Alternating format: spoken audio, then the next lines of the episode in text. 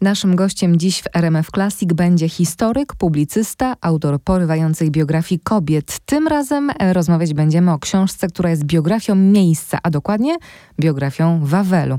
I nie bez powodu, bo Wawel ostatnio mocno w kręgach naszych zainteresowań.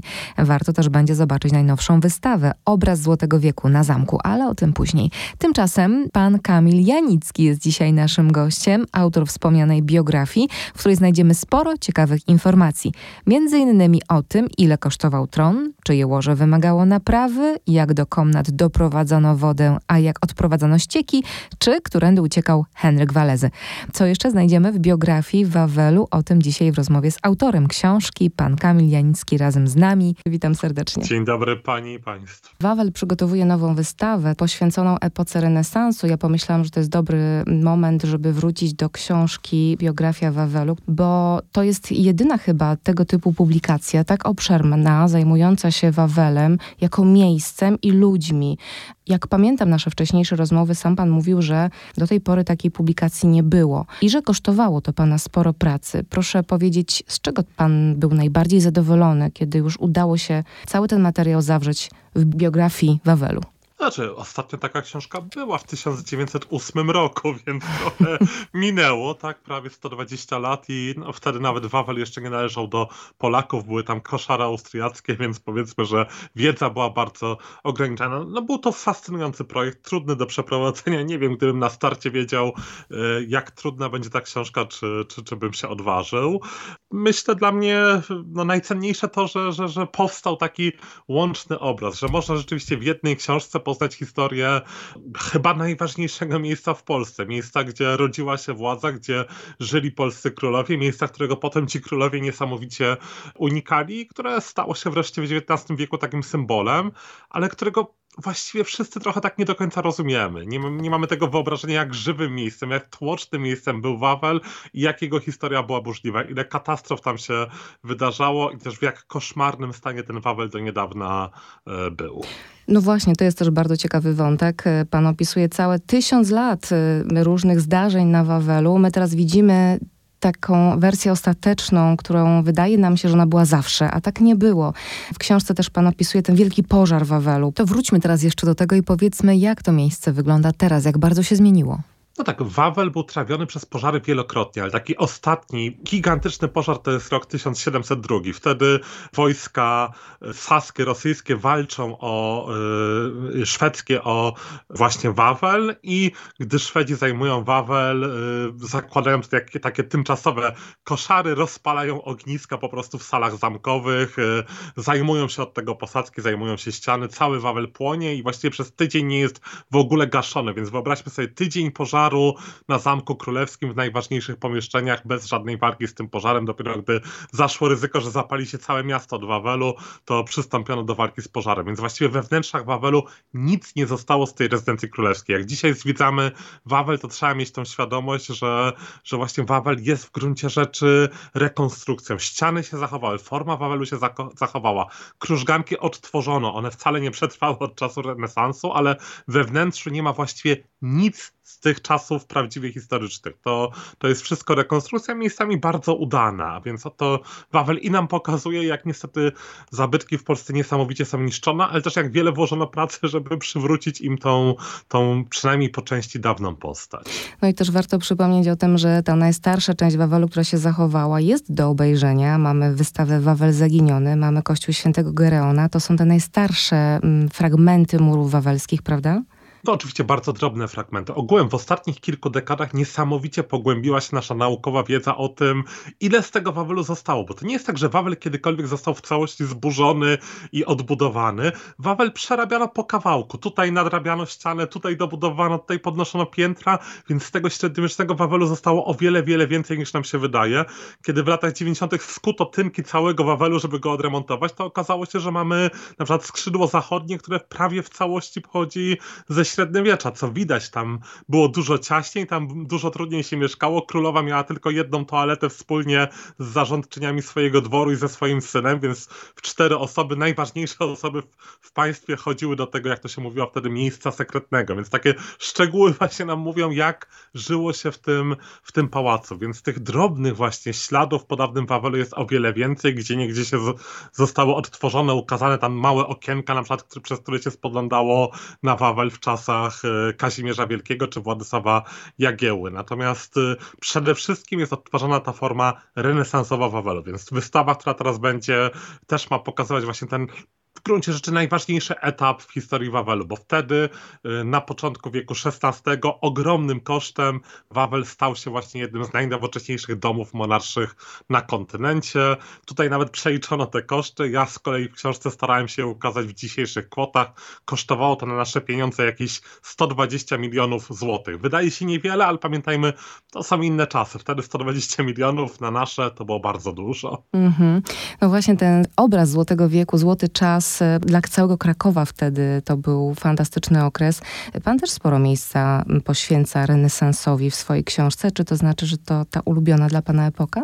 Nie wiem czy ulubionych, ja zawsze miałem wielką słabość do średniowiecza, natomiast o renesansie można mówić o Wawelu w sposób niemożliwy dla innych epok. Można opowiadać o każdej jego części, o tym jak mieszkał król, ile miał pokojów, co robił w każdym z tych pokojów, jak mieszkała królowa, gdzie spała, gdzie spotykała się z dwórkami, y, jakimi schodami i przejściami uciekał Henry Walezy, Henryk Walezy z Wawelu.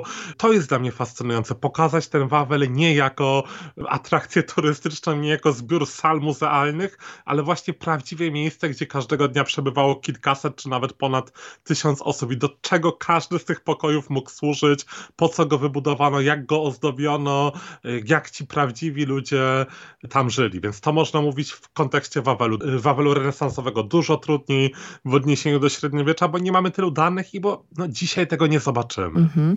A czy rezydencja w Wawelu, no bo wtedy był taką rezydencją w czasie renesansu, to było wygodne miejsce do życia, czy wcale niekoniecznie? Dla królowych tak jak powiedziałem, nie do końca, bo miały najciaśniejszą część Wawelu, skrzydło zachodnie, najmniejsze pomieszczenia. Najbardziej się tam gniotły, bo dwórki, czyli kobiety, które towarzyszyły królowej, mieszkały ogółem jak w akademiku. Miały y, dwa pokoje, gdzie mieszkały w kilkanaście osób. Na jedną przypadało kilka metrów kwadratowych, więc naprawdę warunki prawie że koszarowe. Natomiast król to jest co innego. Król ma dwa piętra, dwa osobne mieszkania, łącznie wiele setek y, metrów kwadratowych powierzchni, cztery toalety tylko dla siebie, E, dwie sypialnie, dwie sale tronowe, więc to już jest pełny, absolutny luksus, a jego syn Zygmunt August, bo jak mówimy o królu, to Zygmunt Stary, ten, który przebudował Wawel, no to już Zygmunt August ma ogółem część najnowszą, najnowocześniejszą. Właściwie jak mówi na przykład dr Tomasz Ratajczak, świetny badacz e, Wawelu tego okresu, była to pod wieloma względami jedna z najnowocześniejszych rezydencji. Królowie Francji mogli tylko z zazdrością patrzeć na to, jak wygodnie się żyło na Wawelu. A z czego wynikało to, że król miał wygodniej, jeżeli chodzi na przykład o toalety? No, wydawałoby się, że to właśnie kobiety bardziej potrzebują tych intymnych miejsc. No oczywiście wydawałoby się tak, ale myślę, że to jest kwestia tej kolejności prac, że po prostu zaczynano Wawel jeszcze tak do końca nie planując czegoś tak wielkiego. Myślę, że gdyby Aleksander Jagiellończyk, który zaczął pracę jeszcze przed Zygmuntem, wiedział jakie to pochłonie pieniądze, wiedział, że to zajmie pół stulecia, to raczej by się nie zdecydował. Wawel sztukowano po kawałku. Im wcześniejsze były prace, tym bardziej były prowizoryczne, tym więcej starano się zachowywać ze starej struktury i no, nie było łatwo, zwłaszcza jeśli nie było blisko do fosy zamkowej, wykonać takie toalety, gdzieś ona musiała odprowadzać wiadomo co, y, więc ta infrastruktura, no im później, tym jest lepsza. Natomiast królowe mają coś, czego królowie nie mieli. Zaraz obok ich pokojów wybudowano łazienkę dla królowej, gdzie wodociągiem była doprowadzana woda z fosy zamkowej, y, gdzie po prostu można było w wannie sobie nalać tej wody i codziennie się myć i królowa tam przechodziła kręconymi schodkami, nawet z domu nie musiała wychodzić, żeby się umyć. Król natomiast maszerował każdego dnia pod wzgórze wzgórze wawelskie, Piechotą. kilkaset metrów, nawet na mrozie, hartował się. Więc mm -hmm. myślę, że jednak królowe tak na co dzień miały trochę lepiej. To, to... No tak. Te kręcone schody nadal tam są? To są te, które możemy oglądać? Nie ma już ich. Nie ma niestety też tej łazienki. Ta łazienka mm. istniała jeszcze na początku XX wieku, została wyburzona przez Polaków, przez tych pierwszych konserwatorów polskich Wawelu, którym się wydawało, że to nie jest zabytkowa część, to nie jest nic ważnego. No, do dzisiaj został tam no, plac, tak zwany dziedziniec Batorego. Jest tam taka tajemnicza kamienna wanna, która zdaniem niektórych miała pewien związek y, albo z wodociągiem, albo nawet z tą łazienką.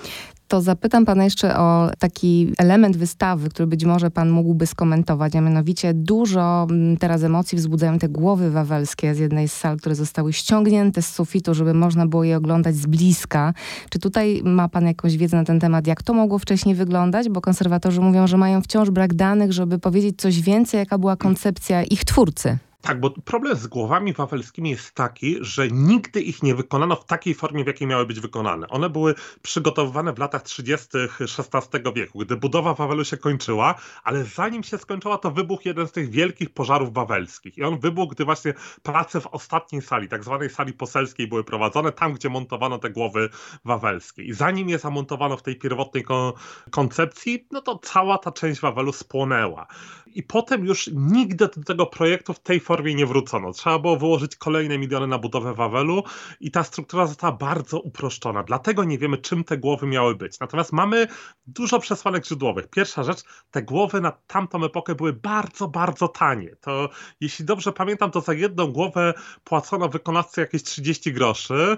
W sytuacji, gdy, no nie wiem, nawet y, zarobki, no 30 groszy nic nie mówi, ale jak sobie to przeliczymy, to zarobki powiedzmy y, roczne wtedy ważnej osoby na, na, na dworze to było kilkaset groszy, duże kilkaset groszy, więc to jest bardzo tania produkcja. Najbardziej myślę taka przekonująca opcja to była pewna taka astrologiczna, trochę astronomiczna kompozycja, która miała pokazywać no, takie właśnie trochę prorocze oznaki związane z dworem, bo wtedy w Krakowie niesamowicie popularna jest astrologia i traktuje się jako dziedzinę nauki. Nie tak jak dzisiaj, jako takie hobby związane z horoskopem, ale właśnie jako coś kluczowego wykładanego na Uniwersytecie Jagiellońskim. Natomiast nigdy nie odtworzymy dokładnie, jak miały wyglądać te głowy wawelskie pierwotnie, jak, jak miały być ułożone no i do końca po co. No to jeszcze chcę pana zapytać o taką historię, ciekawostkę z czasu renesansu, z życia na Wawelu, która no, może przyciągnąć czytelników do pana książki, a oglądających e, na wystawę na Wawel. Myślę, że cała historia Wawelu jest jedną wielką ciekawostką, ale jedną powiedzmy. To, czego dzisiaj nie zobaczymy, bo nie da się wejść i oglądać komnat królowej. E, dzisiaj tam są namioty tureckie i sztuka wschodu. Natomiast pierwotnie Osobną sypialnię zawsze miała królowa, osobną król i taka ciekawostka, królowa zawsze miała większe łoże od króla.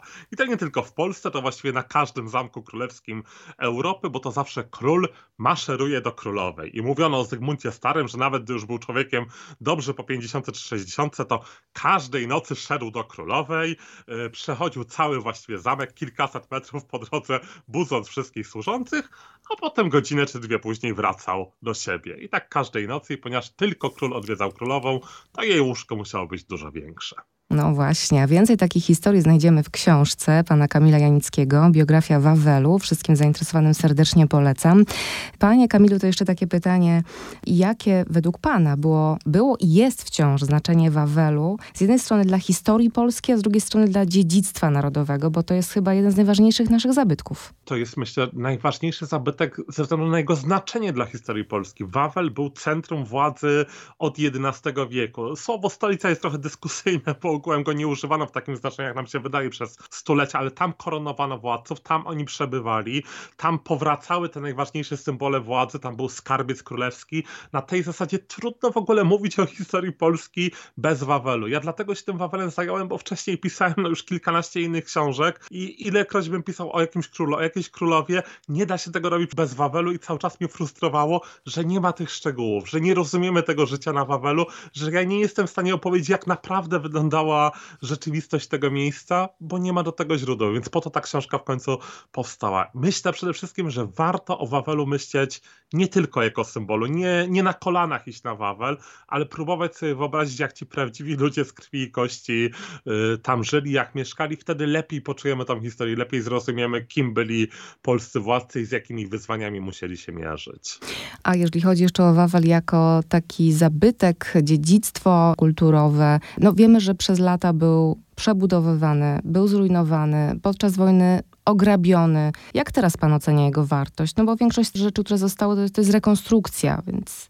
To jest kontrowersyjny temat. Jedno trzeba powiedzieć. Odbudowa Wawelu jest jednym z największych projektów architektonicznych y, w zakresie odnowy zabytków w Polsce. To jest coś imponującego, ile dało się osiągnąć, ale myślę, że jeszcze jest daleka droga do tego, co mogłoby tam idealnie być, że Wawel jednak za bardzo jest takim zbiorem sal muzealnych, a za mało miejscem, który pokazuje, czym był pierwotnie. Za bardzo może się skupia na kolekcjonowaniu dzieł sztuki niekoniecznie związanych pierwotnie z Wawelem, za mało na pokazaniu pierwotnej jego tkanki. Są myślę dobre przykłady na przykład z zagranicy, co się zrobiło w Wilnie w ostatnich latach, gdzie zbudowano od zera właściwie zamek e, renesansowy jagielloński i jak go wystrojono, to jest oczywiście sztuczne, ale są tam pomieszczenia, meble, które starają się ukazywać to pierwotne życie władców. Trochę za mało tego jest na Wawelu, trochę, trochę za dużo jest takich sztuczności, ale myślę, że to jest kwestia, trzeba być cierpliwym, że możemy do tego dojść w ostatnich latach, postęp jest ogromny i kolejne są planowane wystawy na Wawelu, na piwnice wawelskie mają zostać niedługo udostępnione, do których nigdy nie wolno było wchodzić turystom. E, no to są takie fascynujące zakamarki, o których zwykle nawet nie myślimy, więc, e, więc wartość Wawelu rośnie z roku na rok i to mhm. doskonale. Wróćmy do samej książki. To jest bogata opowieść, tak bym powiedziała, chociaż to chyba niezbyt dobrze brzmi. Gruba książka, która zaczyna się od samych początków, od historii y, smoka wawelskiego, w zasadzie całożercy, jak tutaj zostało przedstawione, do II wojny światowej. Więc myślę, że wszyscy zainteresowani znajdą mnóstwo informacji, jeżeli są tym zainteresowani. A ja jeszcze wrócę do początku. Mnie ten początek bardzo usatysfakcjonował, ponieważ myśląc o Wawelu, chyba nie można pominąć tej pięknej legendy o smoku wawelskim tak, legendy, która do niedawna była traktowana zupełnie poważnie, bo często myślimy, że to jest taka bajka dla dzieci, ale jeszcze w XVIII wieku najwięksi uczeni Europy twierdzili, że smok wawelski to jest prawdziwa antyczna bestia. Kwalifikowali ją do konkretnego gatunku, twierdzili, że jest poświadczona też w jakichś źródłach rzymskich i tak dalej, więc traktowano to absolutnie na serio. I ta legenda była niezwykle ważna dla Krakowa. Ją powtarzano w przeróżnych wersjach, chociaż ta pierwotna wersja bardzo się różniła od dzisiejszej była bardziej krwawa. E, mieliśmy tam i morderstwo, i potajemne przejęcie władzy. E, dopiero później została ugrzeczniona. Natomiast skąd się ta legenda wzięła? Wzięła się między innymi stąd, że pierwotnie istniała nie jedna jama smocza na Wawelu, ale cała sieć korytarzy. Te korytarze w XVI wieku zasypano, ale jaskiń było o wiele więcej. Ludzie od pradziejowych czasów mogli je oglądać. Może znajdywali tam jakieś kości zwierząt, jak to mówiono, przedpotopowych. Raczej nie dinozaurów, bo to nie, nie ta okolica. No ale zawsze jakaś wielka kość bawoła, niewytłumaczalna w dziwnym miejscu, czy wieloryba, który się tutaj zapuścił miliony lat temu, może stymulować wyobraźnię. Do dzisiaj kilka takich kości można oglądać przed katedrą wawelską. To nie są smocze kości wbrew ich nazwie. Zidentyfikowano, jedna tam jest właśnie z jakiegoś e, rekina, wieloryba, no ale to, to właśnie pokazuje, jak myśleli dawni ludzie, jakie tworzyli opowieści, żeby tłumaczyć dla siebie ten otaczający ich świat. To teraz już rozumiemy, dlaczego na stronie wydawcy możemy przeczytać informację, iż ta biografia to nie przewodnik, ale żywa historia Wawelu, która wciąga jak kryminał. Oj, nie mnie oceniać, czy wciąga jak kryminał, ale oczywiście nie chodziło mi o to, żeby opowiadać o kawałkach kamienia i cegły, ale o ludziach, którzy żyją na Wawelu, bo bardzo łatwo jest pisać historię miejsca i ugrzęznąć właśnie w takich szczegółach, że tutaj było 100 metrów kwadratowych, a tu 200. Powierzchnie są ciekawe, to jest dla mnie fascynujące.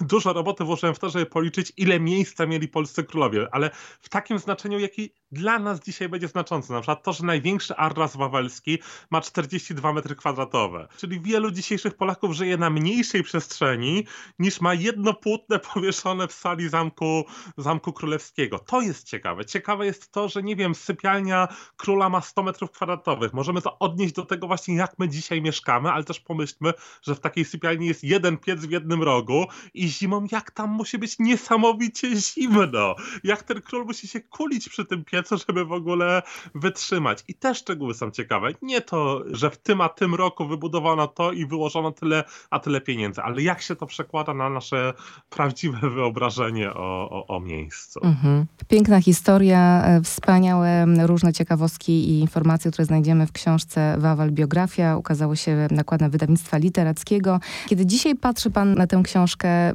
ma pan takie przemyślenia, że teraz napisałby pan to trochę inaczej? Czy nie? Nie wiem, czy napisałbym inaczej. Na pewno no, z każdym miesiącem trafiam na jakieś nowe wiadomości. Kiedyś pewnie dobrze byłoby tę książkę jeszcze rozbudować. Wiele osób mi mówiło, że dobrze byłoby tę historię jeszcze pociągnąć od II wojny światowej do dzisiaj. Pomysł był taki, żeby zamknąć się w tej historii Wawelu historycznej, kiedy Wawel nie był miejscem, gdzie oglądamy historię, ale gdzie ta historia się rozgrywała. No, Wawel jest żywym miejscem. W każdym roku badacze odkrywają nowe rzeczy, składają nowe propozycje pozycję, więc to jest najciekawsze w Wawelu. To nie jest tak, jak się wielu osobom wydaje, że to już było, że dzisiaj już nic się nie dowiemy. Te badania są stale podejmowane, wiele jeszcze nie zostało opracowanych, wiele no, z różnych powodów zaginęło, nie mamy dokumentacji do wszystkich tych etapów pracy na Wawelu. Są zagadki, które cały czas czekają na, na rozwikłanie. Myślę, że niektórymi jeszcze będę mieć okazję się zająć. Natomiast y, zachęcam każdego, żeby zajrzał do tej książki i spróbował poznać ten Wawel nietypowy. Czyli jeszcze pan nie powiedział ostatniego zdania, jeżeli chodzi o Wawel. Mam nadzieję, że nie. Jeszcze pewnie będzie okazja się tym zająć.